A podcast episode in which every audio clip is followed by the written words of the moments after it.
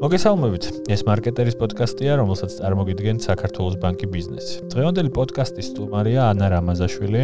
ანასთან ერთად ვისაუბრებთ ინვესტიციებზე, მის გზაზე, რომელიც ძალიან საინტერესო გზაა. ანა მუშაობდა და სწავლობდა საქართველოში, შემდეგ მისი გზა გაგრძელდა ამერიკაში, კერძოდ კელოგის უნივერსიტეტში, ოფლიოში ერთ-ერთ საუკეთესო უნივერსიტეტში დაამთავრა MBA და მალევე დაიწყო მუშაობა Bank of America-ში. Bank of America არის ამერიკის უმსხვილესი ბანკი. იქ მუშაობდა ინვესტორ ბანკირად და დღესდღეობით უკვე თავად არის ინვესტორი და ის ცოდნა და გამოცდილება რაც მიიღო ამ ყველაფერს საკუთარ თავს ახმარს. დღეს ვსაუბრობთ ინვესტიციებზე და იმ გზაზე რაც ანამ გაიარა, რაც ფიქრობთ, ბევრ დამწყებ და გამოცდილ ინვესტორს გამოადგება და მე მგონი ყველას შეუძლია დღესდღეობით გახდეს ინვესტორი და ეს არ ნიშნავს მაინც და მაინც რაღაცა ძალიან დიდი ინვესტიციების გაკეთებას. ანა გამარჯობა და დიდი მადლობა რომ Wall Street-დან პირდაპირ აღმოჩნდი მარკეტერის პოდკასტში. გამარჯობა, აკო და ძალიან დიდი მადლობა მოწვევისთვის. მიხარია რომ მარკეტერის ოფისში ვზივარ. თუ წერთ პოდკასტს. ცოტა ხნის წინ ეს პოდკასტი შეიძლება ჩაგვეწერა Wall Street-ზე. კი ბატონო. და სანამ მივალთ როგორ აღმოჩნდი Wall Street-ზე და ალბათ იმაზე თუ რამდენად ძნელია მიატოვო ესეთი სამსახური, რაზეც ალბათ ბევრი ადამიანი მსოფლიოს ირგვლივ ოცნებობს, დავიწყოთ გზა, რომელიც შენ გაიარე. საქართველოში ბიზნეს სკოლებში სწავლობდი, მაგრამ აი თუ ხედავდი, აი მინდა რომ ვიმოგზაუროთ ცოტა იმ ძველ დროში, იმიტომ რომ დღეს რაზეც ჩვენ ვისაუბრებთ, არ ამგონია ეს ასე ცხადად ჩანდეს ბავშვობაში, რომელიც ცოტა ხნის წინ იყო, ხო? ანუ რა მიმართულებით გააგზელეს სწავლა და როგორ აღმოჩნდა ამ ყველაფერში? მოკლედ უნივერსიტეტიდან დავიწყოთ. კი ბატონო, დავიწყოთ უნივერსიტეტიდან. ამ ჩემი სწარსული კარიერა მთლიანად უკავშირდება ფინანსებს და საბანკო სექტორს. ამ თავიდან ჩემი კარიერა დაიწყო TBC ბანკში, სადაც ძალიან გამიმართლა რომ მოხდი იმ ხალხთან, ვისაც მოხდი. ამ განსაკუთრებით იმიტომ რომ დაემთხვა TBC ბანკის მომზადების ეტაპი IPO-სთვის და ამაში ვიყავი ჩართული საბედნიეროდ და 2014 წელს როდესაც ბანკმა IPO გააკეთა, რამდენად შემეძლო ამის მონაწილეს ვიყავი. მაგრამ მე დადგა მომენტი, როდესაც მინდოდა უკვე რაღაცა ახალი შემოტანა და რაღაც ახალი უფრო რომ საინტერესო გამიხადა ცხოვრება რა. რაღაც უფრო გამოწვევებით ახსოვს. ეს ეს იყო შენთვის MBA? ეს იყო MBA და MBA-ის სურვილი დაიწყო უფრო ადრე ვიდრე TBC იყო. და რატო? აი, ძალიან საინტერესო, რომ რაღაც სულ მაინტერესებს ადამიანებს კითხო, როდის დგება ეს MBA-ის საკითხი, იმიტომ რომ ხშირად ჩვენ ქვეყანაში მიჩნეულია, რომ რაღაც დავამთავრე ბაკალავრი, პირდაპირ გადავაბი MBA და მე რო ხვდებით ადამიანებს, რომლებიც პრინციპში არ არიან ბედნიერი იმ ყველაფრით, რაც აირჩიეს. აი, ფინანსებზეც დაუბრუნდეთ რა ერთ წამს სანამ ახლა საიდან იცოდი რომ ეს ყველაფერი გაინტერესებდა? ნუ მე მახსოვს ძალიან შემოქმედებით მიმართულებითაც აქტიურად იყო. აი, როდის როგორ გადაწყვიტე, რომ იცი რაღაც მარკეტინგს და მენეჯმენტს კი არ გავყვე, რომელიც ასევე მე თუ მკითხავ შენი ძლიერი მხარეებია, რომ წახვედი ფინანსებში, რაღაც აქ უფრო სტაბილურობა, აზარტი, თუ აი რა რას ხედავდი, რა გინდოდა ფინანსებში, მოკლედ საერთოდ აქედან დავიწყოთ და მე გავყვეთ რატო გინდოდა MBA. ანუ საერთოდ არ ვიცოდი რომ საბანკო სექტორში აღმოჩნდებოდი და ეს არისო რომ ბავშვობაში ვოცნებოდი რომ ბანკერი გამხდარიყავი, ანუ არანაირად არისო. CSP-ში რო ჩავაბარე კავკასიის ბიზნეს სკოლაში, მინდოდა რომ მარკეტინგს გავყოლოდი და მე ისე აღმოჩნდა რომ ავიღე ფინანსების კლასი. კორპორატიული ფინანსები და გადავირი. გადავირი. ლექტორის დამსახურებაა თუ? არ ვიცი, ალბათ ლექტორისაც, მაგრამ გადავირი ამ ფინანსების კონცეფტს, როდესაც გავიგე time value of money და კეშის კინგ უკვე აღარ არის ეს სიმართლე აღარ შეიძლება მაშინ მასე მასწავლინე. ეს რო გავიგე, მივხვდი რომ ნუ ეს ფინანსები ძალიან მაინტერესებს. ანუ ფული კაი რამე. ფული ძალიან მაგარი რამე. ხო და მოკლედ ასე აუჩიე ფინანსები, ანუ ჩემი მეიჯერი იყო CSP-ში ფინანსები. და მე გამიმართლა და აღმოჩნდი IREX-ის პროგრამის გამარჯვებული, რომელიც ფაქტობრივად აღმოსავლეთ ევროპიდან და ცენტრალური აზიიდან სტუდენტებს უშვებს ამერიკაში. ერთი აკადემიური წელი გავატარე ამერიკაში. იქაც ფინანსების ბევრი კლასი ავიღე და ასევე ძალიან მოვიხიბლე თვითონ ამერიკეთ. და რომ დავბრუნდი, უკვე ვიცოდი, რომ ძალიან მინდოდა უკან დაბრუნება. უკან დაბრუნება არ მხოლოდ ვიზიტი, ხა რა ვიცი, ჩავიდოდი და ვნახავდი. მაგრამ ხო, ფოტოს გადავიღებდი და სტორის დავდები, მაშინ სტორი არ იყო, მაგრამ აი. მაგრამ მინდოდა იქ ცხოვრება. ეს ზუსტად ვიცოდი. რომ დავბრუნდი ამერიკიდან. ხო. გავაანალიზე რომ ჩემი ყველა მეგობარი უკვე მუშაობა დაწყებული ქონდეს. მივხვდი რომ ანუ ეს უკვე დიდი გოგო ვარ და უკვე უნდა დავიწყო მეც მუშაობა. და CSP-ს რო ჩამოუყევი CSP-ს email-ს. აღმოაჩინე CBC ბანკში ვაკანსია. ხო.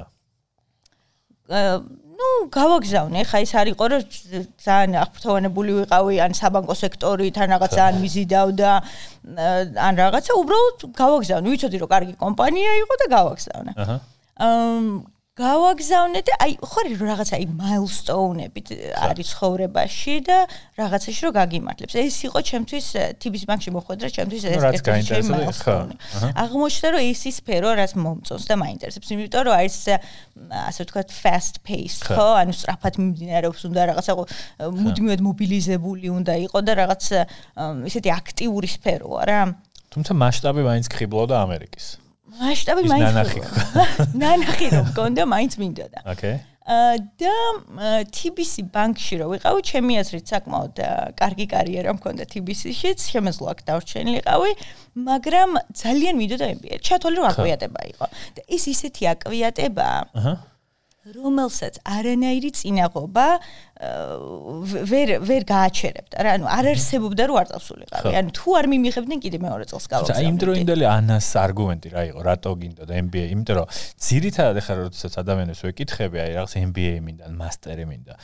განცდა აქ რომ კი ყველაფერი ვიცი მაგრამ აი მინდა რომ დაავწუნდე რომ რასაც ვაკეთებ I know what I'm doing რა. და შენ შემთხვევაში აი გარდა ანუ გეგონა რომ კელოგი ანუ იმ მომენტში შენ ხო არ იცოდი რომ კელოგი ანუ ერთ-ერთი საუკეთესო უნივერსიტეტი გახსნი და Bank of America-ში კარს.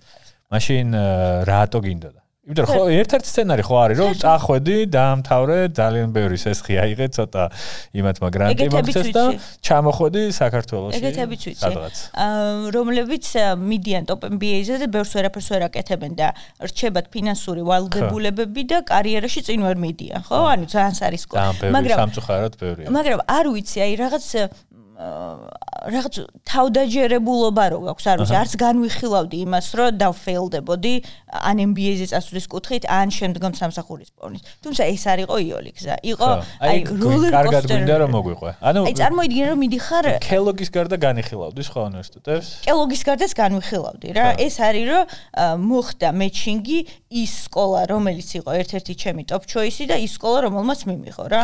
ამის დამთხევა მოხდა რა. აჰა და როდესაც მიდიხარ ასეთ ტოპ ელიტარულ ბიზნეს სკოლაში ერთ-ერთ ასეთ სკოლაში აი არ ვიცი ქართულად როგორ როგორ თქვა it makes you humble რა. აი წარმოიდგინე საქართველოსში მქონდა ფანტასტიკური კარიერა. მუშაობდი ერთ-ერთ ბანკში ვიყავი ფინანსურ დეპარტამენტში ხა.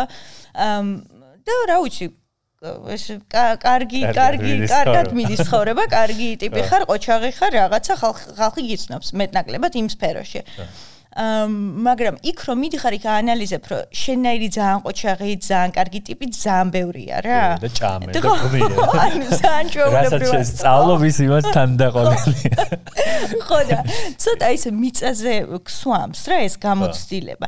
მაგრამ მეორე მხრივ პარალელურ რეჟიმში როდესაც ახერხებ რომ ამ გარემოში და ამ საზოგადოებაში ერთ-ერთი გამორჩეული ადამიანი ხდები და რომელიც კარიერას მხრივაც ერთ-ერთი წარმატებული ანუ წარმატებით მიდის ის confidence გაძლევს რა ასე ვთქვათ რა.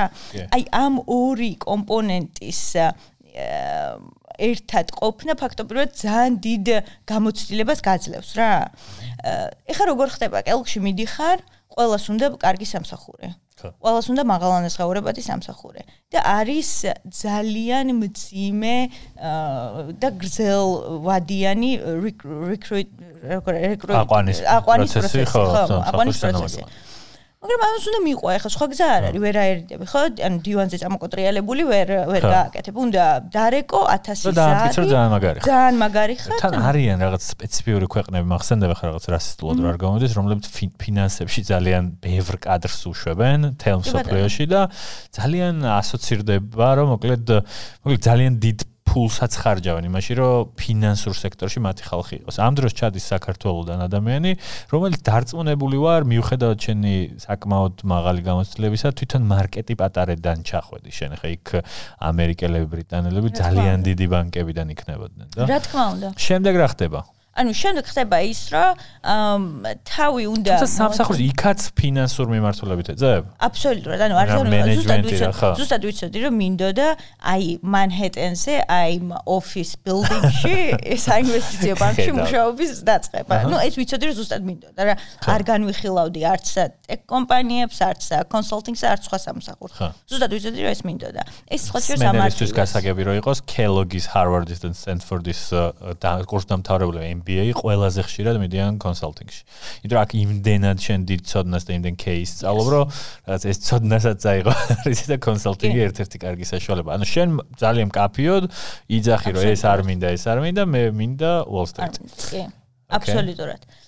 გინდა ეს Wall Street-ი და ეს ნიშნავს რომ უნდა ელაპარაკო 10 სხვადასხვა ბანკს. ამ 10 ბანკში უნდა ელაპარაკო 10 სხვადასხვა ადამიანს და თავი უნდა მოაწონო იმ სხვა კონკურენტებს შორის, ხო? ეს ნიშნავს, რომ ძალიან ბევრი ზარი, ძალიან ბევრ ადამიანთან შეხვედრა, ძალიან ბევრჯერ ჩიკაგო და ნიუ-იორკში გადაფრენა გიწევს და ხვდები ამ ხალხს და ამისათვის მქონდა Excel-ის ფაილი, რომ დამახსოვრებინა რა ბანკს რა ველაპარაკე, როდის რა ველაპარაკე, რომ ერთ და იგივე კითხვა არ დაუსვა ადამიანს და ერთ და იგივე რაღაცებზე არ ველაპარაკო.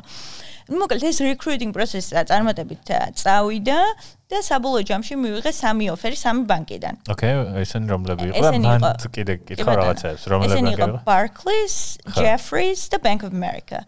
და ავირჩიე Bank of America. რატომ? რატომ და აი gut feeling, pure gut feeling. ანუ ვერ გეტყვი. მაგაზე მივალ, ეგ ემოციური მომქონდა Bank of America-სა და ავირჩიე, იმიტომ რომ უფრო დიდი ბანკია და ხო, მაშინ ერთხელ და იმუშაო ეგეთ ბანკში. ხო, რა ზუსტად. ოკეი, მაგრამ ნახე რა არის საინტერესო ხე ჩვენი სვენელისთვის, რომლებსაც ალბათ დააინტერესებს ადამიანი, რომელიც იძახის, რომ ფინანსებში მაგ განათლება ძალიან მაგარი. პარალელურად ეს სფერო მაინტერესებს, მაგრამ გასაუბრებაზე რა ხდება? როგორ უნდა მიხვდე ხა ეს ადამიანი, ეს არის, ეს უნდა ავიყვანო? აი შენი აზრით იმ ხალხს რა მოეწონა ჩენში? ანუ გასაუბრებაზე მეც ხოვე, ხა Bank of America-ში ვიყავი 3 წელი ვიყავი, ვიმუშავე. შესაძლოა იცით ძალიან ბევრი ინტერვიუ მე თვითონ ჩამიტარებ. აი რას უყურებდი? როგორ უნდა მიხვდე, ხო, რომ ეს არის ის?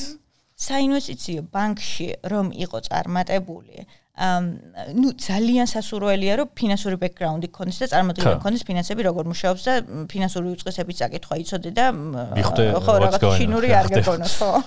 ოკეი ეს ერთი. მეორე უნდა შეგეძლოს ძალიან სწრაფ გარემოში მუშაობა. არ უნდა დაისტრესო იმით რომ დილის 8 საათზე უცებ მოგიხდეს Excel-ის გახსნა მაშინ როდესაც წინა ღამეს დაიძინე დილის 6 საათზე ხო? ანუ ეს ესეა ფიზიკური მომზადებაც კი ანუ ძირითადად გადაწყვეტილებებს იღებ თუ აი რა საკეთებ თუ ანალიტიკას აკეთებ ძირითადად მუშაობ Excel-ში და PowerPoint-ში. ეს არის ეს არის investment banking-ის ორი ორი პროგრამა რომელიც კომპიუტერში და რომელიც დიდად არ შესულა სხვა შორის ეს ინდუსტრია 90-იანი წლების მერე ისევ Excel-ია, Excel PowerPoint-ია, ისევ ბევრი პრეზენტაციებია. და რას აკეთებ? ძირითადად რაში ეხმარები საინვესტიციო ბანკი რას აკეთებს? ძირითადად კომპანიას ეხმარება რომ მოიზიდოს კაპიტალი, ეს იქნება equity to debt, ხო? დაეხმარო IPO-ს გაკეთებაში, ან merger merger-ის გაკეთება თუნდაც merger. ეს კომპანია მოდის შენამდე. სხვას მოყავს და მე შენ ემუშავებ. ანუ senior bankers, რომელიც არის managing director-ი ან დირექტორი, ისინი არიან პირდაპირ კლიენტთან ურთიერთობაში და დავალება შემოდის შენ. შემოდის შენთან, ანუ junior bankers-თან, რომელიც არის ანალიტიკოსი, რომელიც არის ბაკალავრიატის მერე ადამიანი და MBA-ის მერე უკვე associate, რაც მე ვიყავი რა investment banking. ხო, ეგ უნდა მეკითხა, იმიტომ რომ აი ბრიტანეთში რამდენჯერაც მისაუბრია და პირადით გამოცდილებითაც რაც არ უნდა MBA და master-ი დაამთავრო, ხშირ შემთხვევაში 99% შემთხვევაში შენ იწყებ ძალიან დაბალ საფეხურზე. და მე გთავაზობენ რომ ოკეი, დაგვიმტკიცე, ახლა ამერიკა უფრო შესაძლებლობების ქვეყანა, ანუ თუ მიხვდნენ რომ ოკეი, შენ გააქის ყველაფერი რაც ჭირდება, პირდაპირ ანუ ახლა associate შენ შენთან no comments, მაგრამ ანუ მათთვის სწორი იყო, ახლა ეს რომ პირდაპირ კელოგიდან გამოვიდა და და დავაი მიდი შევბეროთ. კი ბატონო. ანუ როგორ არის ის საინვესტიციო ბანკში თუნდაც კონსალტინგში ძალიან ხალხსახა გზა არის რა. იქ აი რა ვიცი ხა აი რა ყველა ერთნაირად ყველა მიცის რომ MBA-ის მერე ხდები investment banking associate, ხარ 3 წელი ამ პოზიციაზე და შემდგომ ხდები ვაის პრეზიდენტი. ეს გზა არის გარდაუვალი. რაც არ უნდა ჭკვიანი იყოს, ზედმეტად ჭკვიანი, ნაკლებად ჭკვიანი, ეს გზა უნდა გაიარო რა. ანუ ანუ შავი საქმეს უნდა გააკეთო. რამდენი წლის არ უნდა იყო, როგორი გამოცდილება, როგორი ბექგრაუნდი, როგორ მოწონდი წინა უფრო, სარაინტერესებთ რა. ეს გზა უნდა გაიარო. ეს ერთი მხრივ გაძლევს ანუ შენი კარიერა predictable ხდება, მაგრამ მეორე მხრივ არის ის, რომ ეხა უცებ რო დაწინაურდე, ცოტა ნაკლები შანსია რა. და ერთი თემა რაც ამინდა არ გამოგჩეს შენ თავზეც რო ვისაუბროთ, გარდა იმისა, რომ ეხა ფინანსური უწყესების წაკითხვა, კარგი განათლება, ალბათ რაღაც ტექნიკური თუ პროფესიული კითხვები, მაგრამ რამდენად აქცევს ეს ინდუსტრია ყურადღებას personal skills. ანუ როგორ მიხვედი, როგორ საუბრობ, რამდენად აქტიური ხარ, რამდენად აა არ ვიცი, ცხოვრება გიხარია, არ გძულს თუ შეიძლება ნებისმიერი ტიპაჟით იყო ამ სფეროში. ანუ რაღაცა ლაპარაკი რო არ გინდა, ხალხი არ გინდა თიმებში მუშაობა არ გაინტერესებს. ასეთ ყველასთვის არის მოკლედ ეს აქ ადგილი, იმიტომ რომ რაღაცა ფინანსებში სტერეოტიპულად ზოგს გონია რომ რაღაც ცოტა ბევრი ინტროვერტია ჩართული და Excel-სა და მათ შორის თითქოს მაპატიეთ ყველა ვინც ფინანსებში ხართ, მაგრამ სტერეოტიპი საიმიჯო კამპანია საჭირო. აა კი ბატონო, ანუ personality right? ძალიან მნიშვნელოვანია. იმასთან ერთად რომ ფინანსები უნდა იცოდე გესმოდეს კომპანიების valuation უნდა შეგეძლოს და ელემენტარული რაღაცები უნდა იცოდე ფინანსებში საწყისები როგორც მინიმუმ. ამაზე ძალიან დიდი მნიშვნელობა აქვს personality აი მაგალითად ჩემი წარმატების მიზეზი ის რომ მქონდა სამი ოფერი როდესაც ბევრს არ ექნებოდა არც ერთი იყო ჩემი აზრით ეს personality რომ შეგიძლია რომ ადამიანთან მიხვიდე და დაელაპარაკო და რაღაც აი ათქმევენ რომ მე მინდა რომ შენთან ერთად ვიმუშაო, ხო? კი, კი ბატონო. ხო, იმიტომ ისიც უნდა გძნობ ენერგეტიკას, მოკლედ დედი. ძალიან კრიტიკულად მნიშვნელოვანია რა, იმიტომ რომ აი წარმოიდგინე რომ როდესაც მიდიხარ ამ ამ ტოპ სკოლებში რომ მიდიხარ ბიზნეს სკოლაში მეტნაკლებად average ერთი და იგივეა რა და ის რომ ცოდნით დიდად თავი აი გააგიჟო ადამიანი და გადარიო ცოტა შეუძლებელია რა. და ამიტომ თავის გამოჩენა უფრო მარტივი არის რომ personal დაანახო რომ შეგიძლია დაანახო რომ არ ხარ ადამიანი რომელიც ადვილად რაღაცას დანებდება.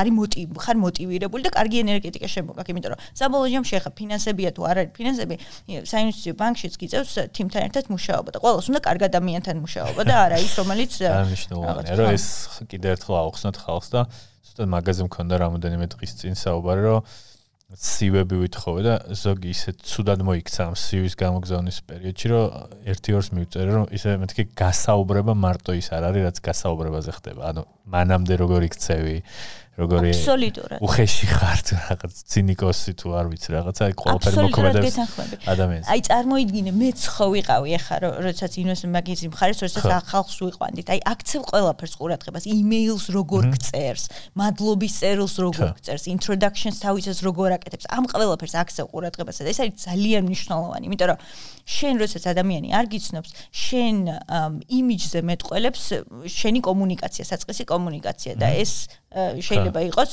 გადამწყვეტი სამსახურის შოვნის პერიოდში რა. კი, ძალიან კარგი რჩევაა და ეს მე ზურჩევდი გაითვალისწინონ. ხა გადავიდეთ უკვე თემაზე, რაზეც მოგიწვიეთ, ეს არის ინვესტიციები და აქ აუცილებლად უნდა ითქვას, რომ ის ყველაფერი, რაზეც ახლა ჩვენ აქ ვისაუბრებთ, არავინ არასდროს არ უნდა მიიღოთ, რომ რაიმე სახით ეს არის ფინანსური რჩევა და რასაც ახლა ანა ისაუბრებს. მიუხედავად იმისა რომ ჩვენ ასეთ დეტალებზე არ ვისაუბრებთ ყოველ შემთხვევაში ჩვენ ვალდებული ვართ ეს კითხრათ რომ რასაც აქ გაიგებთ არ ნიშნავს რომ ეს არის რაღაც ფინანსური რჩევა ამის გამო უნდა წახვიდეთ გაყიდოთ ყველაფერი და ჩადოთ არ ვიცი სადღაც. დავიწყოთ ინვესტიციებით ის რომ აი დღეს ძალიან საინტერესო პერიოდში ვცხოვრობთ ყველანაირი გაგებით, იმიტომ რომ მასში, როდესაც განვითარებული სამყაროსთვის ინვესტიციები ძალიან მიღებული ამბავია. საქართველოში ვინ რას ეძახის ინვესტიციას?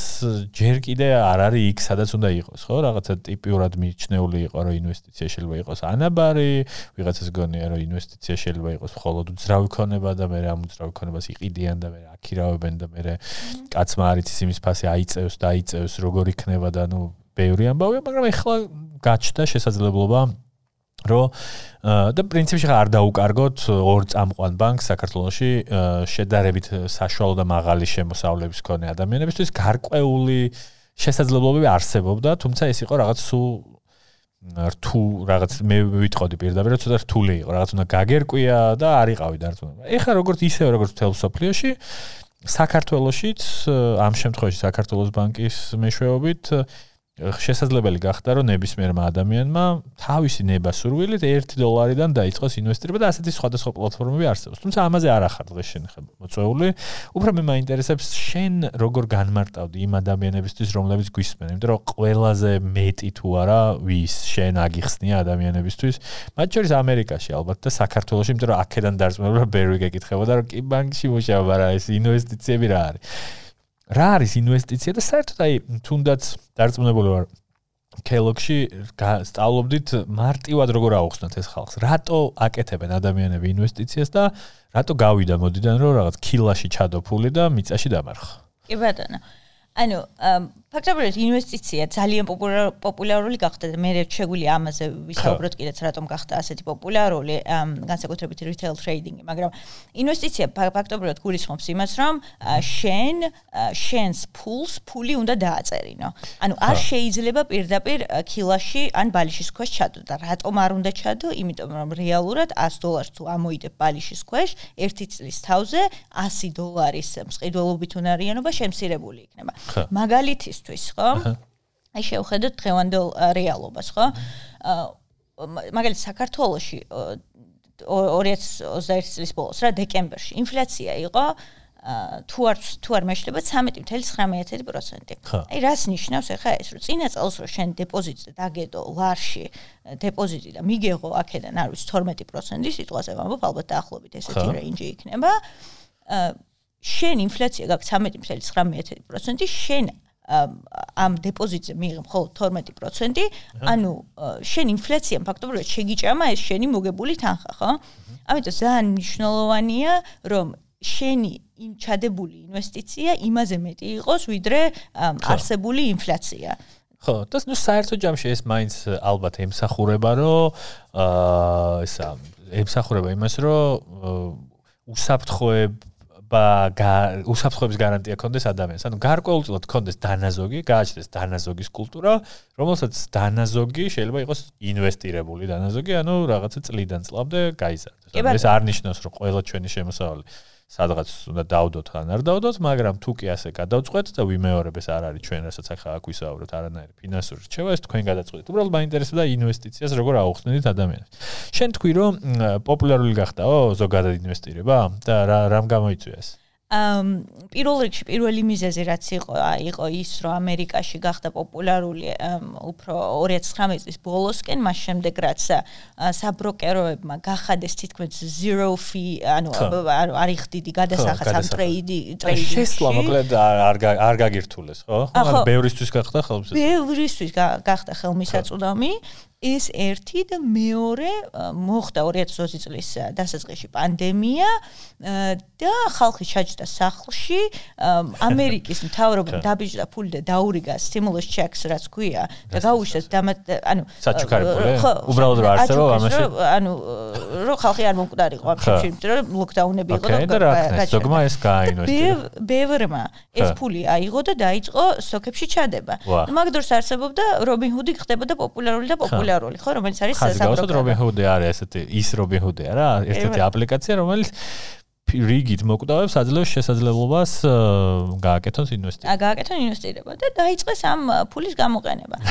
კატასტროფული რაოდენ ანუ პროცენტული ზრდა თითქმის გაორმაგდა retail trading-ის მოცულობითი წილი მთლიან trading-ში. retail trading-ში გულისხმობ, ანუ როდესაც ადამიანები ჩვენერი ფიზიკური არა ინსტიტუციური ინვესტორები არა. ის კი არა რაღაც ორგანიზაცია ყიდულობს ვიღაც, არამედ ფიზიკური პირი, რომელსაც რაღაც ზედმეტი 100 და 200 დოლარი აქვს, სადღაც ჩადო იმ იმედით, რომ ეს ხვალ გახდება უფრო მეტი. ხვალ გახდება უფრო მეტი. პანდემია, ესე იგი პანდემია ვა ისე არ ხო დიდი როლი ითამაშა. ასევე ფიების არ ქონამ და ის რო ძალიან ხელმისაწვდომია რა და არიხდი რაღაც უამრავ მას რა ქვია გადასაღაც იმაში რომ ერთი სოფლიო საერთოდ რო შეხვიდე და ფინანსური ბევრი რჩევები მოაგროვა და ასე შემდეგ. გასაგებია. და ერთ-ერთი თემა და მე რასაც უყურებ ახლა იმ აპლიკაციას მათ შორის საქართველოს ბანკმა რაც გააკეთა თავის მობილ ბანკში მოკლედ თვითონ მოდელიც ძალიან საინტერესო მოიფიქრეს რომ შენ ადრე თუ ყოველ შემთხვევაში მე ასე ვიცოდნა მაქვს თუ ისა ადრე თუ რაღაც ერთი სტოკი ან რაღაც გარკვეული რაოდენობით უნდა გეყიდა ეხლა შესაძლებელი გახდა სწორედ იმ ბიზნეს მოდელებს ხა ამით ხალხი არ დავღაროთ რომ ნებისმიერ რაოდენობის იყიდა. ან რამდენის გაქვს ფული ერთი აქციის ფასით კი არა რამდენის გაქვს იმის წილი იყიდო იმიტომ რომ თვითონ ეს აგრეგატორი ისე აკეთებს რომ რაღაც ერთიანად ყიდულობს თუ რაღაც. ხო ესეც ანუ მოკლედ მოქნილები გახდნენ ამ მიმართულებით ეხლა მინდა რომ მაქსიმალურად მარტივ ენაზე როგორ აუხსნიდით ჩვენს მენელს რა არის აქცია? ანუ როდესაც ვყიდულობთ აქციებს რა არის? იმიტომ რომ აი ხა როდესაც დავაანონსეთ რომ ამ თემაზე გვექნებოდა საუბარი კითხვები იყო რა აი რა არის აქცია? ან რამდენი შეიძლება ეს კომპანიას კონდეს? თუ ეს მარტივია აგვიხსენებთ რომ ზოგს აქვს რაღაც ბევრი აქცია გამოშვებული ზოგს ცოტა ანუ რას ნიშნავს ხო? იმიტომ რომ მარტივი არითმეტიკა რომ 100 აქცია თუ აქვს ერთი თუ გაქვს 1% შენია ოკეი გასაგებია მაგრამ აი რაც ბევრი აქცია რო რა ხდება მაგ აქცია რა არის ვითხარ აქცია ძალიან მარტივად რო ახსნათ არის რომ როდესაც ხდები აქციის ფლობელი აქციას რო ყიდულობ მაგალითად არ ვიცი Bank of Georgia-ს აპლიკაციით TBC-ს თუ Robinhood-ის შენ ხდები ამ კომპანიის მოწილე. ხო, რაღაცა პატარა წილის, ხო?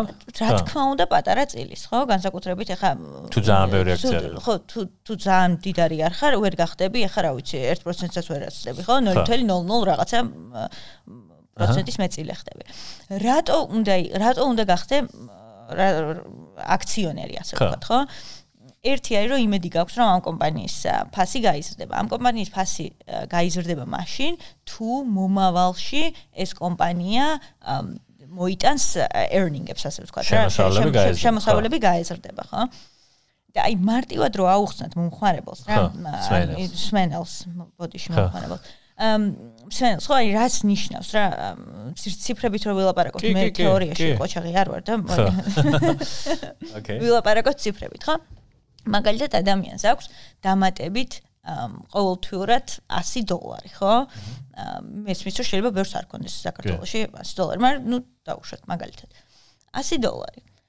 ეს 100 დოლარი შენ თუ ამ 100 დოლარის გვერდზე გადადებით წყალს არ მოიკლებ და საჭმემში ერი არიული და ასე შემდეგ გადადებ და ჩადებ ინვესტიციაში. და დაუშვათ მომავალი 5 წლის განმავლობაში ყოველთვიურად 100 დოლარი ჩადე რაღაც ერთი მიმართულებით. სტოკ მარკეტში ხო? სტოკ მარკეტში რას უნდა ელოდო ხო? რას უნდა ელოდო? მე მაგალითად დავიბადე 1999 წელს შენს ხო? ხო. 99 წლიდან რომ შევხედოთ 2021 წლის ბოლომდე stock market-ი გაიზარდა საშუალოდ ყოველწლიურად 12.8%-ით. აჰა. ანუ შეგვიძლია ვივარაუდოთ, რომ პლუს მინუსებით, რა თქმა უნდა, მომავალში უნდა ელოდო ამ სტატისტიკურ ესამშენით, რა ასე ვთქვათ, რომ 12.8%-ით გაიზრდება. შენ თუ მომავალი 5 წლის განმავლობაში ყოველთვიურად ჩადებ 100 დოლარს, ხო? 100 დოლარს, 100 დოლარს დაახლოებით გექნება დაახლოებით 8300 დოლარი. 5 წლის თავზე. ხა. ეხლა 100 დოლარი რო გადადო და ბალიშის ქვეშ რო ჩადო, იქნება 6000 დოლარი. აჰა. 6000 დოლარი. ეხლა ეხლა გადავიდეთ მეორე უფრო უსაფრთხო ბანკში რო დადო. აი მაგალითად რო გადახედო ხო საქართველოსში ბანკებს.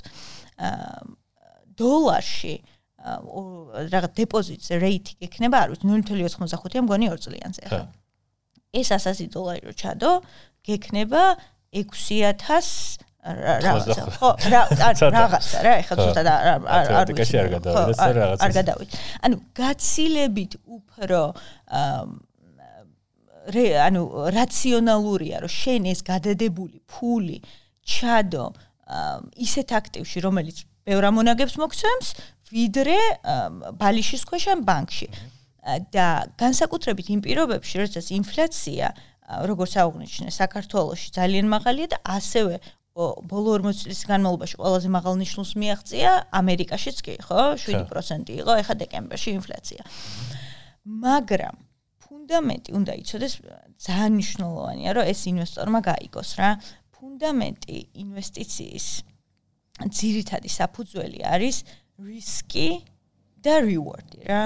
თუ იღებ მაღალ რისკს, უნდა ელოდო მაღალ ამონაგებს, ასე ვთქვათ, მაღალ returns, ხო? მიუხედავად იმისა, რომ stock market-ში ფული შედება უფრო სარისკოა ვიდრე ბანკში ან ბალიშის ქვეშ, უფრო მეტი შანსია, რომ მეტი ამონაგები მიიღო.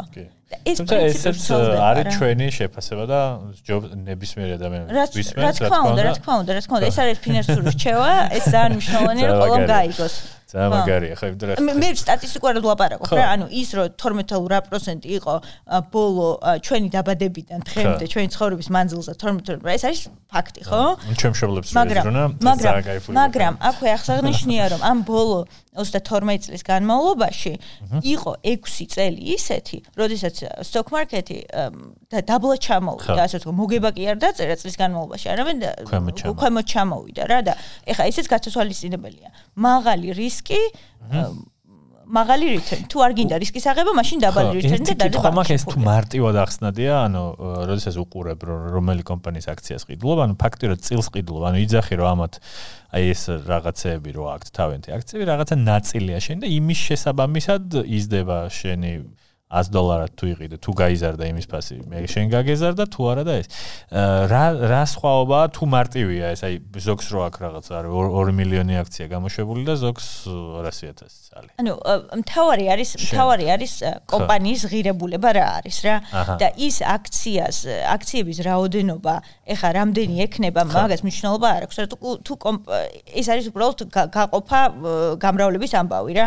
კომპანიის ღირებულება არის აქციის ფასი გამრავლებული განხილული აქციების რაოდენობაზე და თუ აქციების რაოდენობა იზრდება, აქციის ფასი შემდგომ. მაგალითად თუ გამოუშვა კომპანიამ ძალიან ბევრი დამატებითი აქცია იმისაც რომ equity გაზარდოს, მისი აქციის ფასი adjusting-ი ხდება, რომ ის valuation-ი ანუ არ არ გაიზარდოს რა, ანუ თუ მეტი აქცია გამოუშვი, ეს არ ნიშნავს რომ შენი კომპანიის ღირებულება გაიზარდება რა.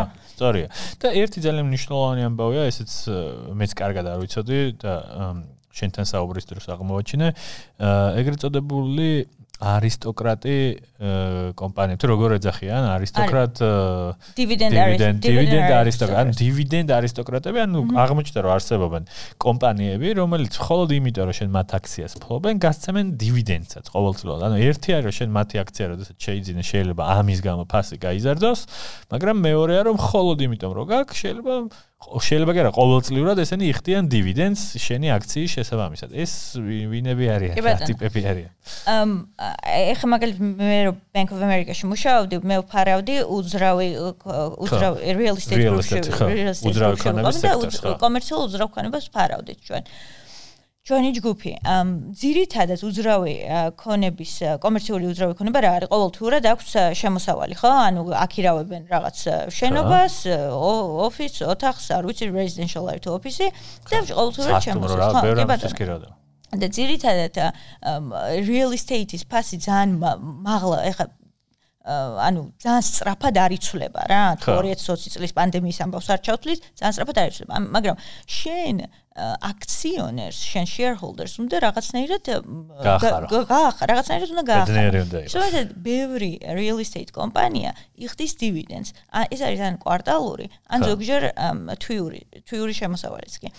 ეს არის რა თქმა უნდა დამატებითი შემოსავალი. ანუ ფაქტობრივად აქციას რო ფლობ შენ მოგებას იღებ ან აქციის ფასის ზრდიდან ან გაცემული მიღებული დივიდენდი დივიდენდიდან ანუ ყველაფერი არის შენი რიტერნი შენ გიბრუნდება. და რაც შეეხება დივიდენდ არისტოკრატებს ეს არის კომპანიები რომლებიც ტრადიციულად და ტრადიციულად არ არღვევენ ამ ტრადიციას. არ არღვევენ და ესეთი კარგი ხარისხის კომპანიები არიან რომლებიც რაღაც ბოლო არ ვიცი 25 წლის განმავლობაში მუდმივად არ ამხოლოდ გასცემენ დივიდენდს არამედ ზრდიან ამ დივიდენდსაც რა რომელიც რა თქმა უნდა აქციონერის ჯიბეში გადაერთარდება ანუ საინტერესო რისერჩისთვის ნამდვილად საინტერესო ვისაც დაგაინტერესებს თქვენთვის მოიძიეთ ხა ეს ხალხი მაგრამ ანამ შეძლო და აგვიხსნა მოკლედ ვინ არიან ეს დივიდენდი ხო როგორც როგორც წესი კომპანია რომელიც დივიდენდს გასცემს, მაღალ დივიდენდს გასცემს, არ უნდა ელოდო რომ მისი აქციის ფასი დრამატულად, ანუ გრანდიოზულად გაიზარდა. რა თქმა უნდა, გაიზარდება, მაგრამ უფრო ის არის რა, სტაბილური, იმიტომ რომ შენ გიხდის იმით, დივიდენდით გინაზღაურებს, ასე ვთქვათ, ხო, ხო, ну, აი როგორც მაგალითი მოიყვანე, მეტი რისკი, მეტი შანსი, რომ კი, კი. და ეს მეტი რისკი და მეტი რივორდი ყველა თელ ცხოვრებაზე ყველა ფერზე მუშაობს რა. მაგალითად ეხლა მე აკვიატებული მაქვს ეხლა შოგბურთზე დავდი ვარ ხშირად ხო კვირაში სამჯერად ხშირად. ხო თუ გინდა რომ მაგალითად ბურთი ჩააგდო ხაზზე და ძლიერად რისკს იღებ რომ ბადეში გაუშვა ნაუჩი, მაგრამ თუ ჩააგდე ის ის ვერ აიღებს და ქულა მოგებული. ზუსტად იგივე პრინციპია stock market-შიც რა. მაღალი რისკი ძალიან კარგი მაგალითია, მე მგონი ძალიან დაამახსოვრდება ხეს ჩვენს მენელს. დიდი მადლობა. შემდეგი თემა არის თვითონ საფონდო ბირჟა, ანუ სადაც ადამიანები ყიდულობენ ამ აქციებს და როგორც ვიცით, სხვადასხვა ქვეყნებს აქვს და რა სხვაობაა ხოლმე აქციითად, აი ყველამ რაც უნდა ვიცოდეთ ის ინფორმაცია რა არის საფონდო ბირჟაზე. ანუ ჩვენ ტექნიკური განსხვავებები საფონდო ბირჟებს შორის არ გვაინტერესებს რა. ეხლა მე სხვადასხვა საბროკერო ანგარიშიდან. Nasdaq-ზე უყიდულობ აქციას თუ New York Stock Exchange-ზე, ამას ჩემთვის გადამწყვეტი მნიშვნელობა არ აქვს რა, მაგრამ საფონდო ბირჟები არსებობს სხვადასხვანაირი, ხო? აი მაგალითად არის შანხაიში, ჰონკონგი, Hong Kong Stock Exchange, Euronext და ასე შემდეგ. რა, ფასები შეიძლება განსხვავდებოდა ეს იქ არა, ანუ როგორც როგორც წესი კომპანია ილისტება მაგალითად არ ვიცი New York Stock Exchange-ზე ან Nasdaq ძალიან იშვიათად არის რომ dual listing იყოს. არა რა თქმა უნდა არის რა, მაგრამ ფასი რა თქმა უნდა შესაბამისია ეგ სპეკულაციურ ანუ არ არ შეიძლება ხო არ არ უნდა მოგცეს რა ესეთ მაგრამ როგორც წესი კომპანიები ძირითადად ერთ საფონდო ბირჟას ირჩევენ და იქ ილისტებიან თუმცა როგორც დამწყები ინვესტორისთვის ახლა რომელ ბირჟაზე რას ყიდულობს? ანუ არსებით მნიშვნელობა არ აქვს. მთავარი არის მან იცოდეს კომპანია რას აკეთებს იცოდეს რატო აინვესტირებს და რა მომავალ რა რატო აქვს ამ კომპანიის ზრდის იმედი რა ასე ვთქვათ რა. და მე ძირითადად ალბათ რასაც ის ხალხი აკეთებს კითხულობენ ინფორმაციას ხო იმ კომპანიაზე. ანუ მნიშვნელოვანია იცოდე ის იმ კომპანიის შესახებ რას გეგმავს, რას აკეთებს. ну მნიშვნელოვანი და სავალდებულო ეს არ არის, მაგრამ შენთვისო კარგია, იმიტომ რომ თუ ხვდები რომ ესენი რაღაცა მაგარს უშვებენ, ესე იგი მათ აქციაზე მოთხოვნა გაიზრდება. თუ ხვდები რომ რაღაც ცუდად მისდით საქმე, დაიკლებს და ასე შემდეგ, ხო? ანუ რაღაც ამ მერე უკვე აქციის მეპატრონე რაღაც ამ ცხოვრების სტილით ცხოვრობს. ეცნობა ბიზნეს სიახლეებს. აუცილებელი ძალიან კრიტიკულად მნიშვნელოვანია რომ იცოდე პირველ რიგში რატო დებ ინვესტიციას ამ კომპანიაში და მე მიყვე ამ კომპანიას. თუმცა ის არის ცალკე დამატებით საქმე და უნდა გქონდეს იმის სკილსეტი რომ ეს ეს ანალიზი გააკეთო. ამიტომ ჩემი აზრით კიდევ ერთხელ ვიმეორებ რომ ეს არის ანალიზი ფინანსური რჩევა იმის მნაცვლად რომ ჩვეულებრივ დამწყებმა ინვესტორმა არჩიოს კომპანიები და რაღაც გათვლები და ისინი გააკეთოს რომელ კომპანიაში ჩადოს ინვესტიცია, ჯობია ინდექს ფონდი ETF-ი ჩემი აი ხა ახსნათ რა არის, აი სწორად მივედით მაგ თემამდე. ანუ არის ინდექს ფონდები, არის ETF-ი. რა არის, რა შეხობა? მათ შორის და კიდე S&P 500, ანუ ეს NP და 500 ასე ასე იწერება ხო. და ხშირად მიმართა ანუ გარედან რაღაც ცოტა ისეთი რთულად ჩანს ეს ყველაფერი მაგრამ ანა ეცდება რომ ახლა მაქსიმალურად გასაგებად და მარტივ ენაზე აგვეხსნას ეგ რა. ანუ ინდექს S&P 500 პირველ რიგში რო დავიწყოთ ამითი არის მოიცავს 500 ამერიკულ დიდ კომპანიას და მისდევს მათ ფასებს, ასე ვთქვათ რა, ყველას ერთად weighted average. დეტალებში რო შევიდეთ, მოკლედ 500 კომპანიის ფასების პერფორმანს მიყვება რა. შენ მოკლედ რაღაცა 100 დოლარის ინვესტირებას თუ აკეთებ ერთ კომპანიაში კი არ აკეთებ პასტის წარმოებელში, არამედ აკეთებ 500-ში და თუ ამ 500-ის ჯამში გაიზრდება შენი შენი ინვესტირებულიც იზრდება, თუ დაიკლო, იკლეს, მაგრამ დიდი ალბათობა არისო ასე იძახიან ხოლმე რომ ესეთი უფრო სტაბილურია მოკლედ ყველა კვერცხს ერთ კალათაში არ ალაგებ აბსოლუტურად აბსოლუტურად. და გაძლევს ეს ინდექსში ჩადება გაძლევს დივერსიფიკაციას და შენს ვოლატილურობას ამცირებს აკაც არის იგივე იგივე პრინციპამდე მივიდივართ ყოველთვის რა რისკი და რითენი. თუ დებ ინდექს ფონდში შენ ამცირებ შენს რისკს თუმცა ამცირებ ასევე return-ის მაგარი return-ის შესაძლებლობას რა. ტენისის მაგალითი გავიხსენე კი ბატონო კი ბატონო ზუსტად. მაგალითად ეხლა ყველა სექტორი მაგალითად ორი პირველი 4 კვირის განმავლობაში ყველა S&P 500 სექტორი 11 სექტორს სექტორ სექტორად არის დაყოფილი 10 სექტორი აქედან დაბლა ჩამოვიდა, მაშინ როცა რო შეხედო energy sectors, ეს გაიზარდა 11%. რა? ხო, ენერგიაზე მოთხოვნა. ხო, და ეხლა მაგალითად რო ჩაგედო მხოლოდ ტექ კომპანიებში, შენი პორტფელი შემცირდებოდა 9%-ით. რო ჩაგედო ენერჯიში გაიზრდებოდა 18-19%-ით, ხო? და ეს ინდექსში ჩადება, ასე ვთქვათ, it's sort of smooth smooths out, ანუ იმას საკეთებს რა, ანუ კარაქივით გადადის. ხო, ცოტა. ანუ ვოლატილურობას გიმცირებს რა, ასე ვთქვათ. და შესაბამისად თუ ადამიანს არ აქვს იმის ცოდნა და უნარი რომ თითო კომპანიას მიყვეს და გაანალიზოს მისი ფინანსური შედეგები და გააკეთოს პროჯექტშენი მომავალში რა უნდა გააკეთოს ჯობია რომ ჩადოს თავისი რა თქმა უნდა რისკით თუ გადაწყვეტს სადაც და ეს ანუ მაგრამ ინდექსსა და ETF შორის რეალ მოკვდავმა უნდა იცოდეს აი კი ბატონო ეს არის S&P 500 500 არსებობს ესეთი ინდექსია რომელიც просто გეუბნება რომ აი ასეა მაგრამ შექმნილი არის ამის ინდექს ფონდები და ETF-ები ინდექს ფონდსა და ETF შორის დიდი განსხვავება არაფერი არ არის უბრალოდ არის ტექნიკური სხვაობა ფასის დადგენა როგორ ხდება ინდექსსა და ETF-ს შორის ნებისმიერ S&P 500 ინდექსში და pulse to ETF-ში და ნებისმიერი ეს მიყვება ამ 500 კომპანიას რა. თუ ამ 500 კომპანიის weighted average ფასი იზრდება შენი პორტფელის იზრდება თუ მცირდება ესეც მცირდება. კრიტიკული განსხვავება არ არის ამ ETF-სა და ეს თემა რა თქმა უნდა ჩვენ არავის არ შეგვიძლია რომ უბიძგოთ დაიწყეთ ინვესტირება დღეს ახლა ამ წუთას, მაგრამ ზოგადად როდის არის კარგი დრო ინვესტიცია ინვესტირების დაწყებას? გუშინ. და კარგი მასახია, გუშინ. გუშინ. ანუ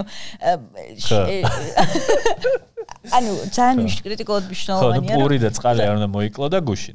პური და წყალი არ უნდა მოიკლო, არ უნდა იშიმშილო, მაგრამ ინვესტიცია უნდა გააკეთო იმისათვის, რომ შენი მომავალი, ბედნიერი მომავალი უზრუნველყო. ჩვენ ყველა ვიცით, რომ ფულში ბედნიერება არ არის, მაგრამ ფული ბევრია. ხო, უფლო ტირილს ჯობია რომ ცოტა ფული მაინც ქონდეს ანგარიშსა და ისწირო. ბევრ პრობლემას მოგიგვარი. იცი რა მაინტერესებს, ანუ აა დარწმუნება რომ ბევრი კლიენტი ყავდა და ზოგადად ეგ ცევა მაინტერესებს მათი ან შენი გამოცდილებით ან რაც მოგისმენია. ბევრ ადამიანში დამიჭერია ესეთი განსაკუთრებით ამერიკაში, რომ აი ინვესტირებას აკეთებენ, აკეთებენ და ბოლოს ცხოვრება ჩაუვლით და ეს დაინვესტირებული რჩებათ, ეს ფონდი დაგროვილი რჩება. რაღაცა თუ არის ლაიფსტაილი, როდის ან როდის შევჭამოთ ამ ტორტიდან თუნდაც ერთი ნაჭერი. იმიტომ ხო სულ ის არის რომ აი მეტი მეტი მეტი იქნება კიდე მეტი კიდე ერთი წელი კიდე მეტი და რაღაცა ის არის როდის გაყიდონ ცოტა გაიქეშონ არიციან ხო, აი მე უფრო მგონია, მე უფრო მგონია, რომ ეგ სიტუაცია ეხება ადამიანებს, რომლებიც კორპორატიულ სტრუქტურებში მუშაობენ, მუშაობენ, მუშაობენ, აკროვებენ, აკროვებენ, აკროვებენ და რისთვის აკროვებენ, არ შემიმაგრებენ. გარეთ რა ხდება რა ვირუსია და ცხოვრება ჩარჩა. ცხოვრება ჩაიერა, ამიტომ დავანებე და მივიღე გიჟური გაწყვეტილება და ჩამოვედი. აი ხა მაგაზე გადავიდეთ და წავიდეთ ნელ-ნელა დასასრულისკენ, იმიტომ დაახლოებით 40 წუთია საუბრობთ. ესე წარმატებული კარიერა Bank of America ფეხზე დგას ინვესტორები მახსოვს მე შენთან შეხვედრის დროს გირეკავდნენ რაღაცა ყოველს თავის საქმე აქვს ყოველს შენი იმედი აქვს მოდი ასე ვთქვათ რომ უნდათ რომ მათ კომპანიაში ფულს მოიზოდო ასე დროს ანა ეუბნება რომ იცი რა მე თქვენი კონსულტანტი კი არა მე თვითონ გავხდები ინვესტორი და მოდი ხარ აი ეს როგორ ხდებოდა ეს ყველაფერი? მოდი ცოტა კორექტირება შევიდა რომ ჩემ ჩემ გამოფეხზე არის Bank of America და ამერიკული კომპანიები მაგრამ გადავწყვიტე, გადავწყვიტე იმის გამო, რომ საერთოდ არ ვიცი. ეს დავაზუსტებ, ანუ ამ სფეროში ბევრია, იმიტომ რომ ჩემი გარედან შეფასებით მგონია რომ ბევრი შედის და ძალიან ცოტა ანუ მგონია რომ სულ lifetime იქარია. მაგიტომ მგონია რომ ალბათ გაუწყდათ, იმიტომ რომ იმ ხელა პროცესი გაგატარებდა. ანუ შეიძლება იყო ხო, ანუ ვერმა ვერ გაიგო. ფეხზე იდგნენ ალბათ, მაგრამ გაუწყდათ ახლა რომ შუა გზაში წავედი, მე წავედი. ანუ ვერ მიხვდნენ რა ხდებოდა, იმიტომ რომ ისეთი მაღალი ანაზღაურება გაქვს, რომ ძალიან რთული ამაზე უარის თქმა. და რაც უფრო დიდხანს შეები, მით უფრო იზრდება შენი ანაზღაურება, მით უფრო აბსურდული გეჩვენება, რომ ამას როგორ დაამბობ. არ მოვიდგინეთ, ახლა გითხარი შენ და შენ რაღაცა. ანუ რა რა მოხდა? რა მე საერთოდ ანუ რო დავიწყე საქართველოს ბანკში და მე იქ ამერიკაში აბსოლუტურად წარმოვიდგინე ჩემი თავი, ხედავდი ჩემ თავს დირექტორად, მენეჯინგ დირექტორად, აი იქ, მოკლედ ცხოვრების ბოლომდე. საბანკო სფეროში. მაგრამ მე მოხდა სიგიჟე. რა რა მოხდა? კოვიდი. ხო, 2020-ში. გადავედით სახში 2020 წლის მარტინა, ხო, 16 თვე მარტი იყო. გადავედით სახლებში და აღმოვაჩინეთ რომ თურმე თურმე ტყულში ვცხოვრობდით და ოფისი არ არის საჭირო რომ ჩაულებრივ ვაკეთებთ გავიდა ორი თვე სამი თვე ჩაულებრივ მუშაობთ ხო? ანუ არანაირი პრობლემა არ არის. მე დავიწყე ფიქრი რომ ანუ რატომ არის ესეთი სტანდარტული კლასიკური დეფინიცია რომ აუცილებლად კორპორატიულ სტრუქტურაში უნდა იმუშაო თუ ესეთი სმარტი ხარ თუ ესეთი ყოჩაღი ხარ მოდი სხვისი დავალებების გარეშე შენ თვითონ გააკეთე ისე რომ შენ თვითონ მოახერხო ცხოვრება. შემიძლია დაუბრუნდი დავწერე thank you and farewell email-ი გავაოცე ხალხი ჩამოვედი და ეგრევე გაგზავნე თუ რამოდენმე დღე ფიქრობ არა ფიქრ ძალიან ბევრს ფიქრობდი კაცო. ანუ 2020-ში რო ეს მოხდა მე დავწერე ეს email-ი 2021 წლის მარტში შარშ ერთი წელი არ არის გასული. და შესაბამისად, ანუ ეს გადაწყვეტილება რომ მივიღე და ჩამოვედი, ჩემი მიზანი იყო, რომ ანუ რომ წამოვედი, თქვი რომ ჩემი კომპანია უნდა შექმნა. მე უნდა ვიყო ჩემი საკუთარი თავის ბოსი. არავინ არ მინდა მითხრას რა უნდა გავაკეთო და როდის რა უნდა რომელზე ვითამაშო ჩოგურთი თუ რომელზე წავიდე ტერმინალში, ხო? ანუ არავინ არ მინდა არაფერი არ მითხრას. აა და ამასობაში სანამ ამას მოვიფიქრებ თქო, უნდა დავკავდე stock trading-ით. რომ თან ჩემი saving იქ რაც მქონდა შემენარჩუნებინა ქილაში და მიწაში არ ჩადო და მიწაში არ ჩადო და ამავდროულად ფული დავაწერინო ამ ფულს და თან რაღაც გარკვეული ჩემი ანალიზები ხალხს გაუზია რომ რა 5 თუ 10 კაც ვინც ვისაც აინტერესებს რა. ეს არის ეს პროექტი Grab Alpha. კი ბატონო. ხო. ეს დიდი არაფერი არ არის, ჩემთვის წერ, ვაზიარებ, ვისაც უნდა კითხულობს, ვისაც არ უნდა არ კითხულობს. რა ეს არ არის მასაზე გათვლილი სამწუხაროდ, უფრო დაინტერესებს იმ ადამიანს, რომელიც ამ სფეროში გარკვეულია და უკვე იცის ეს ფინანსური ჟარგონები და რაღაც ფინანსური ბაზრები.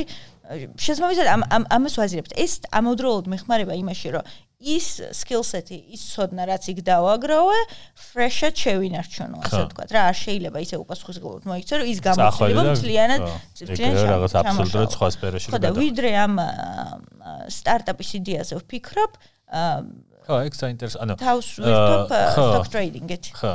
და თან ძალიან მაინტერესებს. ეს არის სისტემა რომელიც ძალიან მაინტერესებს ყოველთვის მინდოდა. გამეკეთებინა ჯერ არ მქონდა ფინანსური რესურსი მე არ მქონდა. ცოდნა ეხლა ჩემი აზრით მაქვს მეტნაკლებად ერთიც და მეორეც და ვაკეთებ ამას. ნახოთ მაგრამ თუმცა ანუ აქტიური ცხოვრების მოყვარული ადამიანი ხარ და გირჩევნია რომ კიდე რაღაც ბიზნესი ქონდა მარტო ეს ლაიფსტაილი არ შეიძლება იყოს. მარტო ინვესტირებას რო აკეთებ და დანარჩენი დღე რო მე მე ვფიქრობ რომ საკმაოდ ენერგიული ადამიანი ვარ და მე მგონი რომ სხვა რაღაცებსაც გაწუდება რა ჩემი ამბავი მაგრამ ზუსტად ვიცი რომ არ მინდა full time კორპორატიულ სტრუქტურაში შეჭრა ა მაგას არ განვიხილავ მაგრამ მე მგონია რომ მაქვს იმის დრო ენერგია და რესურსი რომ პარალელურ რეჟიმში სხვა რაღაცას გავაკეთო რა ძალიან დიდი მადლობა. მადლობა ანა.